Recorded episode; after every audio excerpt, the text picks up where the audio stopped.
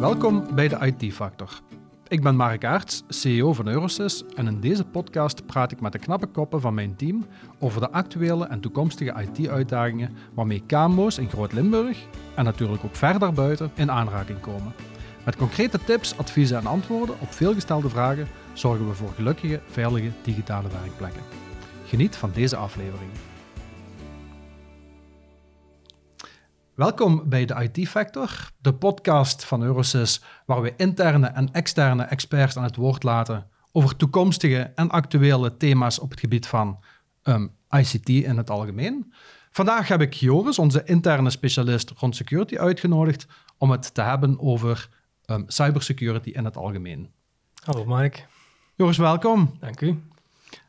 Misschien moet je je eerst eens voorstellen. Wat doet jij vandaag bij ons? Wel, ja, ik werk al een jaar of 15 bij Eurosys. Ik ben begonnen als engineer uh, aan de technische kant. Ik heb dan later de overstap gemaakt naar de commerciële kant.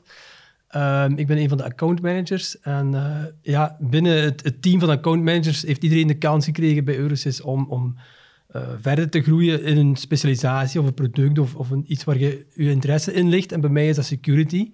En vandaar dat ik vandaag hier ben om een beetje over security te babbelen. Heel interessant, Joris. En heel tof dat je dat wilt doen voor ons. Hè? Dat is graag gedaan. Als je kijkt vandaag naar een, een, een typische Belgische, een typische Limburgse KMO, um, waar liggen die vandaag van wakker als het gaat over cybersecurity? Of security in het algemeen? Wel, ik krijg heel veel vragen over uh, ja, de angst om gehackt te worden. Hè. Uh, niet alleen het, het, feit dat ze gehackt zijn, maar ja, wat dan met het bedrijf? Het bedrijf ligt meestal plat, uw gegevens liggen op straat, wat met GDPR, er komen heel veel vragen op ons af. En dat zijn uh, ja, de dingen waar de bedrijfsleiders vandaag van wakker liggen. Ja. Zij vragen heel vaak, ja, moeten we iets doen? Kunnen we iets doen? Wat zijn de dingen die we kunnen doen? Welk budget moeten wij voorzien? Uh, ja, we gaan dan vaak toch samen in gesprek met hun om eens te kijken waar de mogelijkheden zijn. Ja. En zo de meest voorkomende hacks, wat zijn er vandaag? Wel, de cybersecurity gaat heel breed. Hè? Als we kijken naar de, de, de klassiekers, de DDoS-aanvallen waarbij websites worden platgelegd. Uh, je kunt vandaag de dag uh, op de dark web een dienst inhuren om, uh, om websites plat te leggen tegen, tegen, een paar euro of een paar dollar uh, per uur. Um, DDoS is een van de klassiekers, maar je hebt natuurlijk de brute force attacks, waarbij, we, waarbij hackers de, de wachtwoorden gewoon gaan raden. En ja. tegenwoordig met de, met de huidige machinerie en de compute die er bestaat, kun je vrij eenvoudig miljoenen wachtwoorden op een paar minuutjes genereren en, en proberen. En daarmee dat het advies ook altijd is van probeer een, een heel lang wachtwoord te maken of een heel moeilijk wachtwoord, wat moeilijk te raden is. Maar de hackers staan natuurlijk ook niet stil. Hè. Ze hebben wachtwoorden, ze hebben um, moet ik zeggen, uh, woordenboeken met, met, uh, met de meest voorkomende wachtwoorden in, waardoor je, ja, je moet die miljarden combinaties niet meer proberen. Je gebaseerd op die woordenboeken. Die gaan gewoon een lijst af met met, met woorden, met potentiële wachtwoorden, ja, als het ja, juiste voilà. gevonden en dan, Ja, die lijsten zijn wel miljoenen stuks lang, maar die heb je op een paar minuutjes doorlopen en zo worden er veel hacks gedaan. Dat zijn klassiekers, maar er zijn natuurlijk de, de moderne technieken. Misschien heel even ingaan op het DDoS gebeuren. En begrijp ik het goed dat dat echt een systeem is waar gewoon zoveel parallele aanvallen zijn, waardoor het systeem gewoon plat gaat? Is dat wat DDoS effectief is? Ja, dat klopt. Um, er is een techniek dat je bepaalde een aanvraag kunt doen naar een server of naar een website waar dat de server achter zit. En die server die probeert die aanvraag te behandelen. En daardoor gaat hij eigenlijk generiek uh, trafiek genereren. Uh, en die trafiek die wordt zodanig veel dat, dat de lijn gewoon verzadigd geraakt. De connectiviteit ver, vervalt dan helemaal dat is niet zozeer een hack waarbij je data kwijtgeraakt, nee. maar je wordt wel uh, lam geslaan. Ja, als bedrijf word je platgelegd. Je wordt effectief platgelegd. Vergelijk het met, met uh, de telefoonlijnen. Als iedereen massaal begint te bellen naar uw telefoonnummer of naar uw gsm, ja, dan kun je geen enkel ander telefoontje meer oppakken. En zo simpel is het eigenlijk. Ja. En phishing, want dat is ook zo'n term die heel veel in de media komt de laatste tijd. Ja, dat is natuurlijk iets wat heel hard aan het opkomen is. Iedereen kent dat wel. Uh, de mailtjes van, van B-Post of van eender wat. De pakjesdienst is nu in de eindejaarsperiode wel heel, heel uh, actueel. Um, er wordt, de, in plaats van ja, het wachtwoord te gaan raden, kun je natuurlijk gewoon aan de gebruikers gaan vragen wat is uw wachtwoord. Dat is eigenlijk mm. de insteek van een phishing mail. We gaan massaal mails sturen met, met valse gegevens in of met, met valse voorwenselen in om ergens de vraag van kijk, log even in op deze link, uh, geef een wachtwoorden en zo vergaren de hackers eigenlijk de wachtwoorden. Ja, en dit gaat nu over e-mail. Maar dat kan tegenwoordig ook met voice, denk ik. Heb je daar al voorbeelden van gezien of meegemaakt? Natuurlijk, de, de, de voice-berichtjes, dat zijn de, de robottelefoontjes, maar ook de, de echte telefoontjes waar mensen achter zitten. Dat gebeurt vandaag de dag. Hm. Natuurlijk, het is veel gemakkelijker om een robot in te schakelen dan, dan echt een callcenter in te schakelen. Maar het gebeurt. Je krijgt dan telefoontjes waarbij mensen worden uitgenodigd om even in te loggen op de bank, want er zou een probleem zijn met je systeem. En dat gaat zelfs zo ver dat, dat er op een bepaald moment uh, een medewerker van de bank aan je voordeur staat om je te helpen. Dat, dat zijn de dingen die vandaag wel, uh, wel actueel zijn, ja. Een video? Video, dan kijken Teams calls? Uh, dat heb ik nog niet in het echt gezien, maar we zien heel veel met de, de deepfakes, ja. waarbij uh, de beelden worden, worden gefaked. Dat waar we vroeger uh, in de pers of nog eens de foto's zagen gefotoshopt zijn. Mm -hmm. Dat systeem kun je nu op video's toepassen op een heel eenvoudige manier eigenlijk. We laten de computer heel de berekening doen. Je ja. geeft aan de ene, ene, kant gewoon een beetje tekst uh, weer en, en uh, een foto van de, uh, de gebruiker die je wilt misbruiken. En, en de computer genereert een bewegend beeld met een pratend gezicht en alles op en aan, dat je eigenlijk heel moeilijk van het echt nog kunt onderscheiden. Ja. Dat is al echt high-tech, maar dat binnenkort allee, komt in de toekomst wel aan. Ehm, dat is een van de grote problemen, ja. Ja, ja, dus phishing, we blijven afhankelijk van het meest kwetsbare en dat is de eindgebruiker natuurlijk. Hè. Ja, ja, wij raden altijd aan om uh, de gebruikers mee te, mee te trainen. Dus investeer niet alleen in de beste firewall of de beste security maatregelen, maar zorg ook dat de gebruikers mee zijn, dat de gebruikers bewust zijn van de gevaren die er zijn met het, met het IT-materiaal, welke risico's dat er kunnen lopen of, of als er ergens een, uh, een probleem opduikt. Ja. Zorg dat de gebruikers weten dat, wat ze moeten doen, dat ze ook de IT-dienst bellen als ze iets, iets mis uh, zien. Uh, ja. Want als je kijkt, um, de ervaring die jij ondertussen hebt opgedaan van voorbeelden van bedrijven die gehackt zijn geweest, um, als je dan terugkijkt van wat de oorzaak daar geweest is, zijn de meeste dan via ransomware binnengekomen of zijn de meeste via andere manieren? Hoe komt het meestal binnen? Wel, ransomware is eerder een gevolg dan een oorzaak. Hè. De oorzaak ligt vaak bij, bij de mens zelf die op een verkeerde link klikt. Mm -hmm. Dat zien we heel vaak. En een ander uh, aspect is de kwetsbaarheid van de systemen. Systemen die niet geüpdate zijn of dat er net een, een zero-day van bestaat. Uh, we hebben het afgelopen jaar nog gezien met, met de Exchange hack, een heel goed voorbeeld. Ja. De, iedereen heeft nog een Exchange server. op een bepaald moment komt, er, komt men erachter dat er een, een, lek is dat misbruikt kan worden. En we zien dan massaal binnen een paar dagen dat dat, dat, dat wereldwijd misbruikt wordt. En de enige oplossing daarin is gewoon ofwel sluit je de, de toegang af, ofwel patch je het systeem. Maar ja, er zitten natuurlijk een paar dagen tussen, tussen dat die patch uitkomt en, en beschikbaar is en uitgerold is. En dat is vaak een probleem. En uh, vandaag de dag zien we nog altijd dat er bedrijven die maatregelen niet genomen hebben en die, die eigenlijk onder vuur liggen. Ja. Ja, dus je maakt ook wel trends, je maakt pieken en dalen op het gebied van, van hacking, op het gebied van klanten die geïnfecteerd worden en geïmpacteerd worden. Dat zijn echt wel piekmomenten of drukkere momenten, of, of hoe werkt dat? Ja, dat gebeurt. Je ziet de pieken wel. Uh, afhankelijk van, meestal zie je in de, in de eindejaarsperiode ziet je wel een piek uh, met phishing mails. Uh, mm -hmm. En door het jaar zie je ook wel wat pieken, afhankelijk van bepaalde gebeurtenissen. Maar we zien ook een, een trend met de prijs van de bitcoins. Hm. Hoe hoger de prijs van de bitcoin is, hoe, hoe meer uh, aanvallen er zijn wereldwijd. Ja. Dat is ook een Omdat ze dan ook meer losgeld kunnen Dan los, kunnen ze kunnen iets gemaakt meer losgeld vragen, ja. Ja, bijzonder. Um, maar dat is niet voorspelbaar, ga ik vanuit. Als we dat konden voorspellen, zou het weer niet vandaag. Hè? um, wat kan een KMO doen tegen dit soort uh, aanvallen? Wel, er zijn heel wat dingen dat je kunt doen.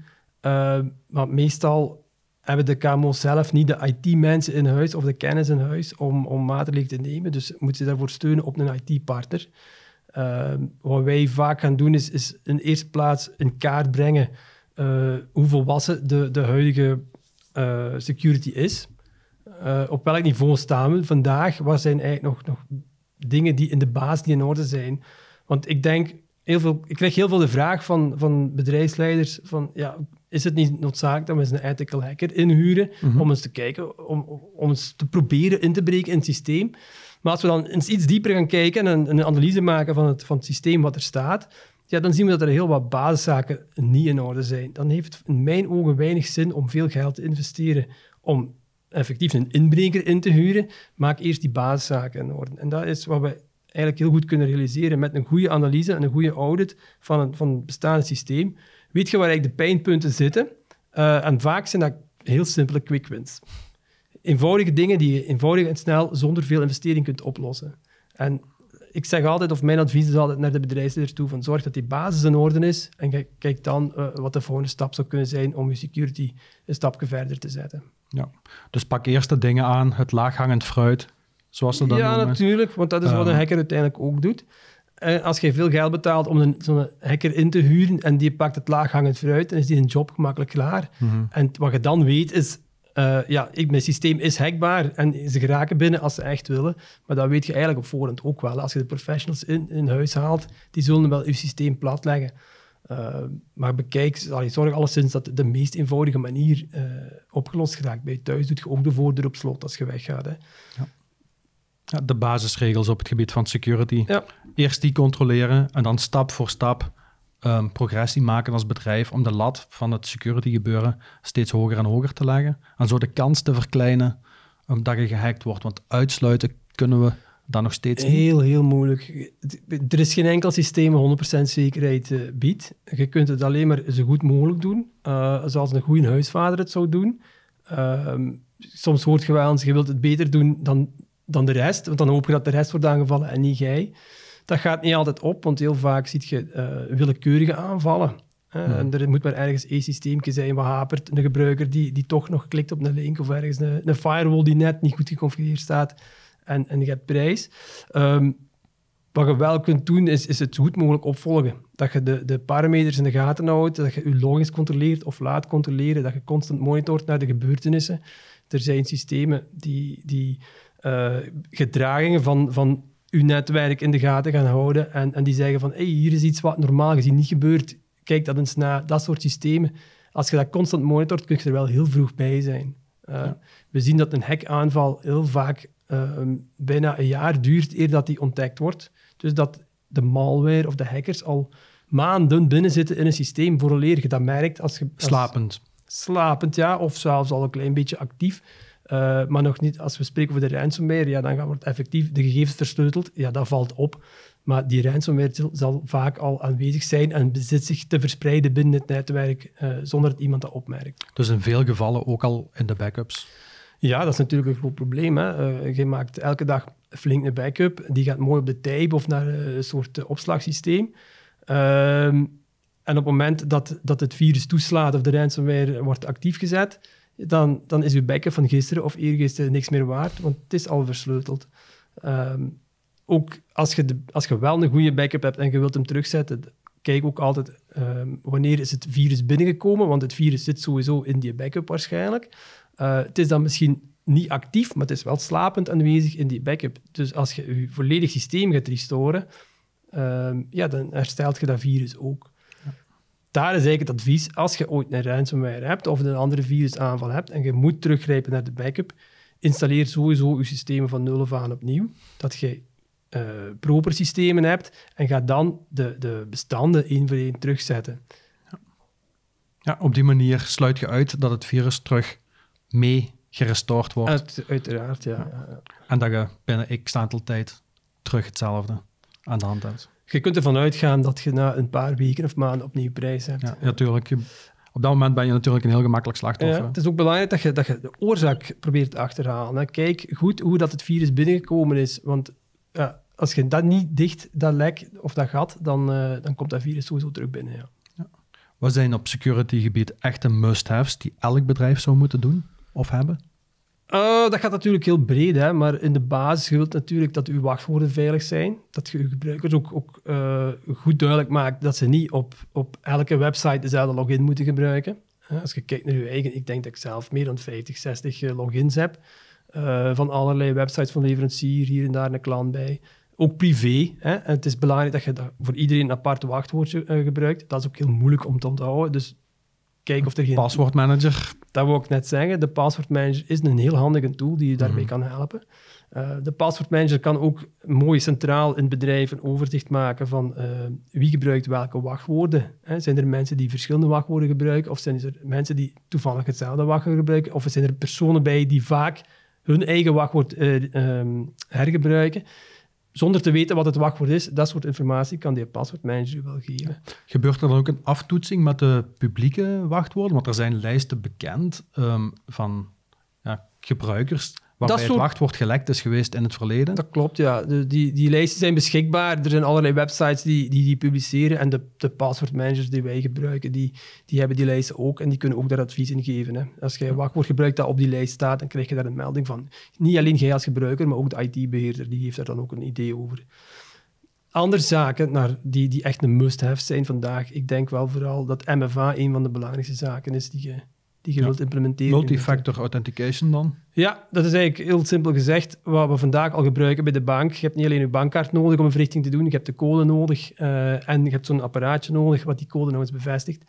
Dat is eigenlijk de multifactor. Niet alleen je wachtwoord, maar nog een andere factor die meetelt ehm, om te beslissen of jij wel degelijk bent. Wie jij- Wie dat gezegd is. Voilà. Ehm, dat soort tools bestaat ook om op websites in te loggen en allerhande. Eh, en dat beveiligt ook effectief de gebruiker. Dat zien we vandaag, dat veel bedrijven dat nog niet hebben. En dat Mhm. is volgens mij wel de eerste stap. Dat, dat is een van de basiszaken als het gaat over ja, traditioneel gezien hebben de meeste bedrijven al een firewall en een antivirus. Dat zijn zo de klassiekers die iedereen wel in huis heeft. Maar dat is toch wel de volgende stap, die multifactor authenticatie. Ja. Zijn er nog zaken waar je aan denkt? Ja, altijd zorg dat je backup in orde is. Er zijn nog wel, wel mogelijkheden naar backup toe. Zorg dat, het, eh, dat die op tape staat, dat die weg van huis is, dat die niet altijd online is. Hè. Waar we vroeger vaak zagen, de, de goedkope NAS-boxjes, gelijk we zeggen, Mhm. de netwerk geconnecteerde apparaatjes. Dat zijn vaak eh, apparaten die, die heel veel dingen kunnen. Je kunt er foto's op delen en je kunt er allemaal leuke dingen mee doen. Maar elk onderdeeltje wat, wat de apparaat kan, is een mogelijk aanvalsvlak. Wij zien veel liever een, een backup apparaat wat, wat zo min mogelijk kan, wat alleen maar data kan opslaan en, en zo min mogelijk babbelt met de rest van het netwerk. Juist om die dingen te vermijden. Om te vermijden dat er toch ergens een lek in een of ander systeem wat misbruikt kan worden.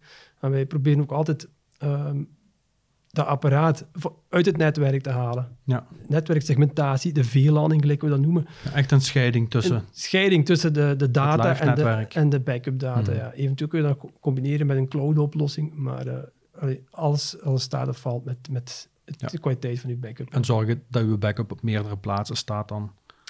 Liefst gescheiden van elkaar. Liefst gescheiden en niet zo ver mogelijk elkaar. Ja. Ehm, als je gesprekken hebt met, met, met eindklanten, begrijpen die altijd het belang van security de dag van vandaag? Of heb je daar nog een stukje pionierswerk te doen?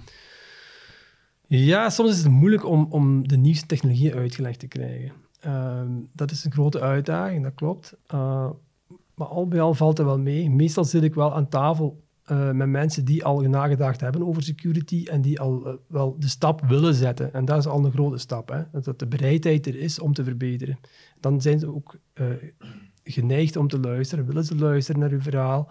Uh, en dan willen ze ook meegaan. En vaak stoot je dan wel eens op budgetten. En vaak hoor ik dan wel eens, oh, ik wil niet de Rolls Royce hebben, maar iets, iets mm. degelijk. Uh, en ik, ik, denk dat we er altijd wel naartoe kunnen, uh, kunnen werken. Dus in samenspraak met de klant gaan we kijken wat, waar echt de pijnpunten zitten, wat de meest kritische problemen zijn. En vaak probeer ik ook een, een, een plan uit te werken voor de, voor de toekomst. Niet alleen vandaag een oplossing voorzien, maar wat, wat kunnen we vandaag doen, wat kunnen we volgend jaar doen, wat kunnen we over drie jaar doen. Eerder een, een security plan dan een security project. Natuurlijk, ja. Ik, ja. Het security is geen product, dat is een proces, dat verandert altijd. Dat zal nooit klaar zijn. Wat, mm -hmm. wat vandaag goed is, is morgen al achterhaald. Ja. Dus we moeten echt met een, een, een plan werken. Ja. ja. Um, heb je ook soms um, contacten met een interne IT-afdeling binnen veel bedrijven, grotere bedrijven? Ja, heb je specialisten zitten op het gebied van IT? Hoe kijken zij naar security? En merk je daar een verschil tussen wanneer dat je met de ondernemer of de eigenaar praat ten opzichte van een, iemand vanuit, een, vanuit echte IT? Ja, de, de, er zijn verschillende mogelijkheden. Hè. Als de IT-dienst groot genoeg is, hebben ze waarschijnlijk al goed nagedacht over security. Uh, daar heb je vaak levendige discussies hè, mm -hmm. over wat noodzakelijk is en wat niet noodzakelijk is. Als je daar bepaalde suggesties doet van dit zou kunnen verbeteren, heb je heel vaak wel eens de tegenkant. Ja, maar dat is een oud systeem en dat mogen we niet updaten. En de, de, de IT-dienst ziet het vaak heel erg technisch en ziet vaak ook heel veel problemen. Maar ik denk ook, er voor elk probleem is er een oplossing. Systemen die niet geüpdate kunnen worden, daar bestaan ook mogelijkheden voor om ze dan toch min of meer uit het netwerk te houden. Um, en we proberen toch wel een plan samen met het management of de IT-dienst en het management samen te brengen om dat problemen aan te kaarten, dat die systemen echt wel geüpdate moeten worden. Um, en dan begrijpen we allemaal wat dat niet van vandaag op morgen kan. Sommige productiesystemen die zijn al zo oud als de straat, die werken al zo lang. Ehm, er zit geen support van, geen, van, geen, van degene leverancier niet meer op. Dat is de grootste uitdaging daarin. Mhm. Maar dat is dan ook echt het traject wat je, wat je samen doet, wat je, waarbij eigenlijk specialisten van, van Eurosys of van de IT-partner ehm, hand in hand met de interne mensen van IT aan de slag gaan. Ja, dat klopt. Ja, dat, dat, gaat, dat, dat zijn te complexe systemen of te complexe trajecten. En dat zijn ook complexe van lange adem, waar je meerdere mensen voor nodig hebt. Dat is niet één mens die zoiets kan beslissen dan. Ehm, zijn er bepaalde specifieke problemen op het gebied van security die je tegenkomt bij, bij KMO's? Um, wat zien we daar het meeste in? De, wel, het, het, is, het moeilijkste is denk ik om de gebruiker zelf op de rails te krijgen. Mm we kunnen wel gemakkelijk investeren in nieuwe firewalls en, en in beveiligingssystemen, hè, maar dat, je hoort dan wel eens vaak de opmerking van de gebruiker van ik kan mijn website niet meer open doen. Uh, dat zijn uh, dingen. Um, wat zien we nog? Mensen die het moeilijk hebben met, met het wachtwoord om de zoveel tijd te veranderen. Daar zit heel wat tegenkantingen in. Um, het activeren van two-factor authentication kan soms al een probleem zijn voor een ja, gebruiker. Ja, daar hebben we ook moeilijkheden mee. Mensen die, gewoon, ja, die net niet technisch mee zijn. Hè. Mm leg het maar eens uit. Je moet nu vanaf nu inloggen met je gsm. Er zijn mensen die nog geen gsm hebben. Hè. Uh, het is, voor veel mensen is het gemakkelijk als je een bedrijfs-gsm hebt, maar in veel bedrijven is dat niet aanwezig. Hè. En dan wordt dat, dat is dat continu evenwicht tussen gebruiksgemak en security, waar gelukkig vandaag de dag al um, een evolutie in doorgemaakt is. Ik denk maar aan two-factor authentication, waar je um, proactief een melding, een pop-up krijgt op je gsm en niet nog een bepaalde app moet openen. Dat maakt het al een stuk gemakkelijker. Maar in het algemeen blijft het zo dat hoe veiliger het wordt, hoe dikwijls hoe minder gebruiksvriendelijk. Dat is helaas zo. Dat zijn twee dingen die tegenover elkaar staan. En je kunt alleen maar ja, je best doen met de tools zo goed mogelijk te maken, zo gebruiksvriendelijk mogelijk te maken, door, door tools als we hebben het aangehaald al de, de wachtwoordmanager te introduceren, mhm. die eigenlijk de gebruikers voor een stuk gaan makkelijker maken. Hè. Er is duidelijk een trend in het wachtwoordloos aanmelden, hè, ja. waarbij je alleen nog maar met die tweede factor authenticatie mm moet accepteren, maar dat het wachtwoord op de achtergrond eigenlijk stilletjes verdwijnt op zich is dat wachtwoord niet weg, want uw vingerafdruk en, en uw faceherkenning, dat is nog ongestoord wachtwoord. Hè? Maar de gebruiker hoeft het niet meer te onthouden allemaal. Dat zijn wel evoluties in de goede richting dan. Ja, hè? Dan wordt dat stukje alleszins al, al een beetje gemakkelijker. Mm campagnes, dus video's waar je gebruikers gaat, gaat uitleggen um, hoe ze veiliger kunnen werken, waar ze zeker wel of, of niet op moeten klikken als ze binnenkrijgen. Um, wat software gebruiken jullie daarvoor of hoe pak je dat aan? Wel, ja, we willen natuurlijk gebruikers een training voorschotelen. Um, waar je vroeger klassiek de mensen uitnodigde voor een, een, een, klassikale training. De vrijdag namiddag, we, we leveren pizza's, mhm. we zorgen voor een trainer en we doen uh, twee uur volle bak training. En, en, maandag komt iedereen terug op kantoor en is iedereen de helft van de cursus al vergeten. Dat is een klein beetje achterhaald. Wij willen nu meer inzetten op een continue training.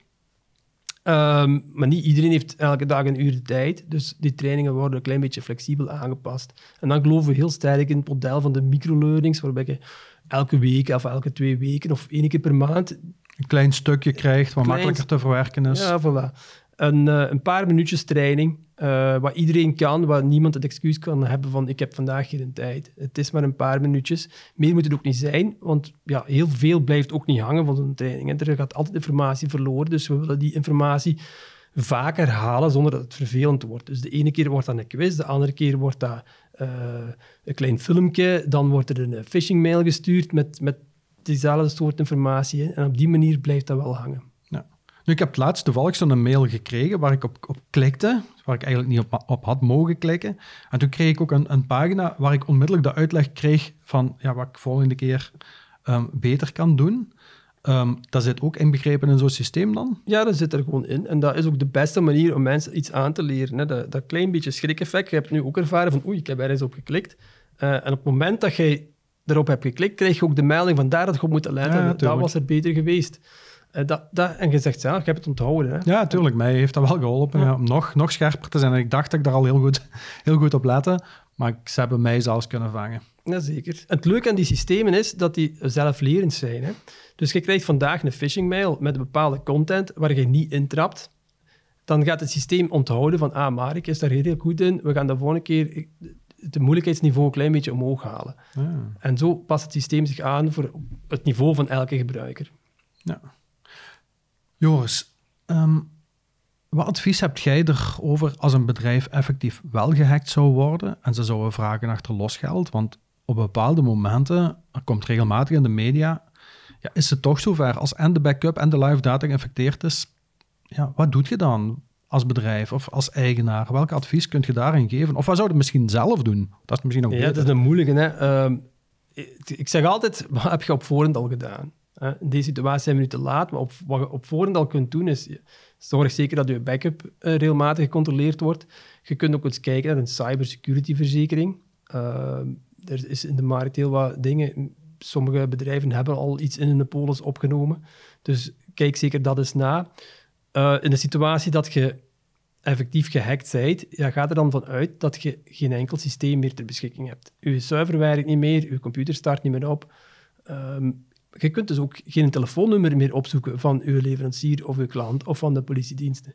Dus zo'n een, een crisisprotocol bestaat er dan wel uit dat je, dat je dat soort dingen opschrijft, liefst ergens op papier bewaart, dat je, dat je het ja. in je handen hebt, want je moet er echt vanuit gaan dat... In de kluis dan? In de kluis, ja.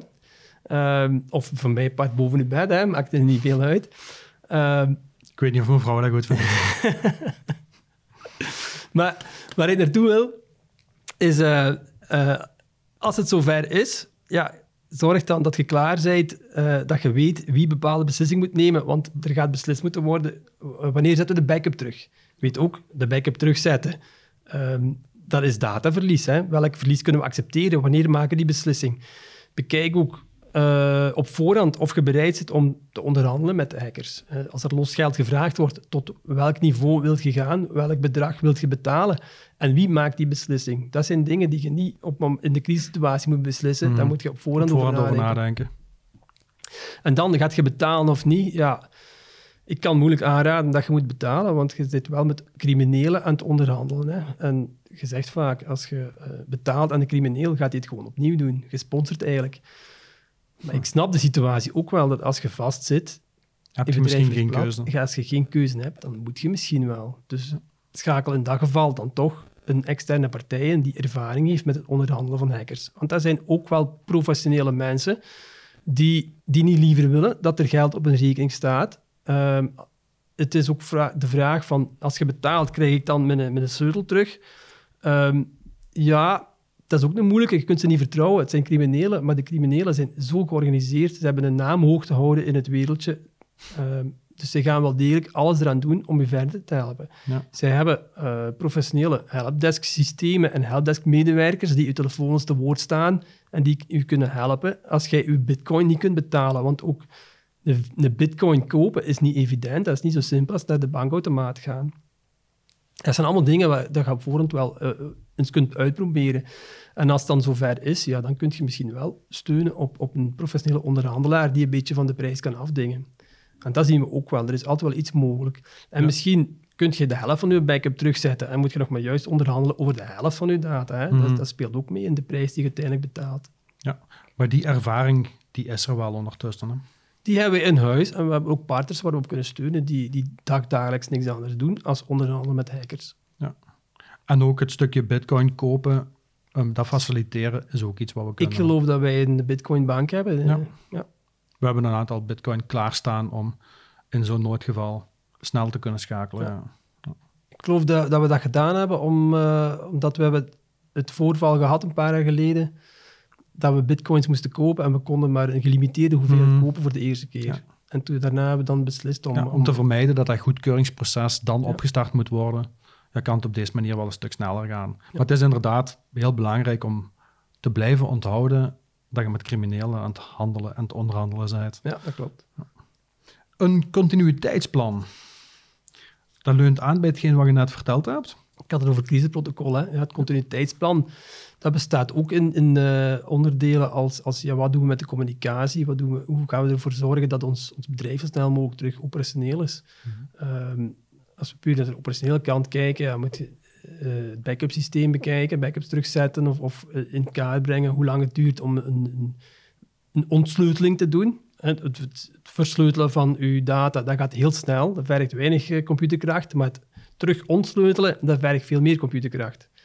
Uh, dus hou daar rekening mee dat uh, als je denkt dat je op twee dagen terug online bent, dat gaat meestal toch niet zijn. ik wou het net vragen, wat is zo de gemiddelde tijd als het gebeurt en het is een volledige een blokkering, hoe lang duurt het dan eer het bedrijf terug online Ja, het is heel moeilijk te zeggen, want elk bedrijf is anders en elke data is anders en elke server is anders. Uh, maar reken toch maar op een paar weken tijd hoor. Ja. En soms is het eenvoudiger om, om ja, voor een stuk je backup terug te zetten. Soms is het eenvoudig om gewoon de sleutel te betalen en uh, op die manier snel online te zijn. Ja. Oké. Okay. Um, ehm, een heel andere vraag. Zo'n zo'n audit waar je het er straks over of zo'n analyse om de basis in orde te maken of een basisadvies te krijgen. Aan wat prijsklasse moeten we dan denken? We proberen die prijs zo laag mogelijk te houden. Uh, ons type segment is ook een, gemiddelde KMO, met vooral uh, een kleine KMO, 100, 200, 300 gebruikers. Dat, is eh, onze doelgroep een beetje. Ehm, en we wilden dan geen situatie creëren met tienduizenden euro's met een heel lang traject. Dus wij hebben een, een programma uitgewerkt uh, waar zit rond de prijs van 3000, 3500 euro. om echt de basiszaken in, in kaart te brengen. Maar op basiszaken, ehm, het zijn wel 150 punten dat we nakijken, verdeeld over een twintigtal categorieën die, die, die wij extreem belangrijk vinden. Dat is wel wat hoor. Dus op die, die paar dagen tijd dat we die analyse doen, doen we best wel veel werk. Uh, en het resultaat van die analyse is ook een, een, uh, een risico versus impact uh, analyse, waarbij we dan ja, duidelijk maken van kijk, dat zijn de problemen die je eerst moet aanpakken en dat zijn de problemen die, die, die je op lange termijn kunt bekijken. En we gaan ook uh, aangeven welke de quick wins zijn. Dus, ja. dingen die je eigenlijk meteen zonder investering kunt, kunt oplossen. Ja, ik kan me voorstellen dat bepaalde dingen zijn, dingen zijn die dan dringend aangepakt moeten worden. Ja, natuurlijk. Uit elke audit komt wel iets naar boven. Hè. Um, wat zien we vooral, vooral misconfiguraties. Uh, ja. De firewall heeft toch net iets, iets openstaan. Iets ja, zaken die historisch zo gegroeid zijn. Heel vaak is dat historisch, ja. Uh, of gewoon een, een, tipfout van, van de admin. Dat gebeurt ook. Uh, iemand heeft iets, iets ingesteld of een, een, test ingesteld en, en dan die test nooit verwijderd. Dat zijn dan wel behoorlijke risico's die je eigenlijk gewoon kunt afsluiten, hè, zonder meer. Ja. Nu, uit zijn audit, daar komt dan een, een, een echt advies uit. Um, dan spreken we natuurlijk over andere budgetten, ga ik vanuit, op het gebied van security. Of een, een phishing-campagne, of een, een extra een firewall-vervanging, of dat soort zaken zullen daar toch ook uitkomen. Dat zijn ook de typische zaken. Hè? Dus als we de quick wins opgelost zijn, kunnen we samen met de klant kijken wat, wat de volgende stappen kunnen zijn. Hè? Um, maar dat zijn wel zaken die je kunt bespreken op, met, met de klant, afhankelijk van het budget en de timing dat hij zelf voor ogen heeft. Ja. Kunnen we daar naar een oplossing toe werken. Ja. Hè? Wat merk je dat security of cybersecurity in het algemeen wel meer en meer belangrijk wordt voor bedrijven? Dat ook bedrijven daar dat opnemen in hun budget en um, daar ook geld aan willen besteden? Ja, dat is wel een tendens, dat is duidelijk te zien, ja. ja. Uh, meer en meer bedrijven komen met die vragen af um, en willen daar ook iets, iets aan doen. Ze zijn echt letterlijk bezorgd over hun, hun omgeving, ja. Um, als je kijkt naar het investeren in security, als ze de stap zetten, wat is het voordeel daarvan als je als bedrijf um, investeert om je bedrijf veiliger te maken? Ja, je zit iets zekerder dat je verder kunt, hè, dat je morgen niet plat ligt. Uh, maar je kunt die zekerheid ook afstralen naar, naar je, je leveranciers en vooral naar je klanten toe. Hè. Je, je bouwt wel een soort uh, imago. imago op, hè, dat je kunt, kunt uh, mee uitpakken. Hè. Ja. ja. dus de reputatie of de, het merk um, op een of beveiligen eigenlijk, in de letterlijke zin ja, van het woord, hè, ja. um, veiligstellen, um, door de kans te verkleinen dat er iets gebeurt. Ja. Hoe ziet je de markt verder evolueren de komende periode? Ja, moeilijk te zeggen. Hè. Uh, ik denk dat het dezelfde weg gaat opgaan. Hè. De, de phishing mails gaan blijven komen, de, de, de aanvallen gaan blijven komen.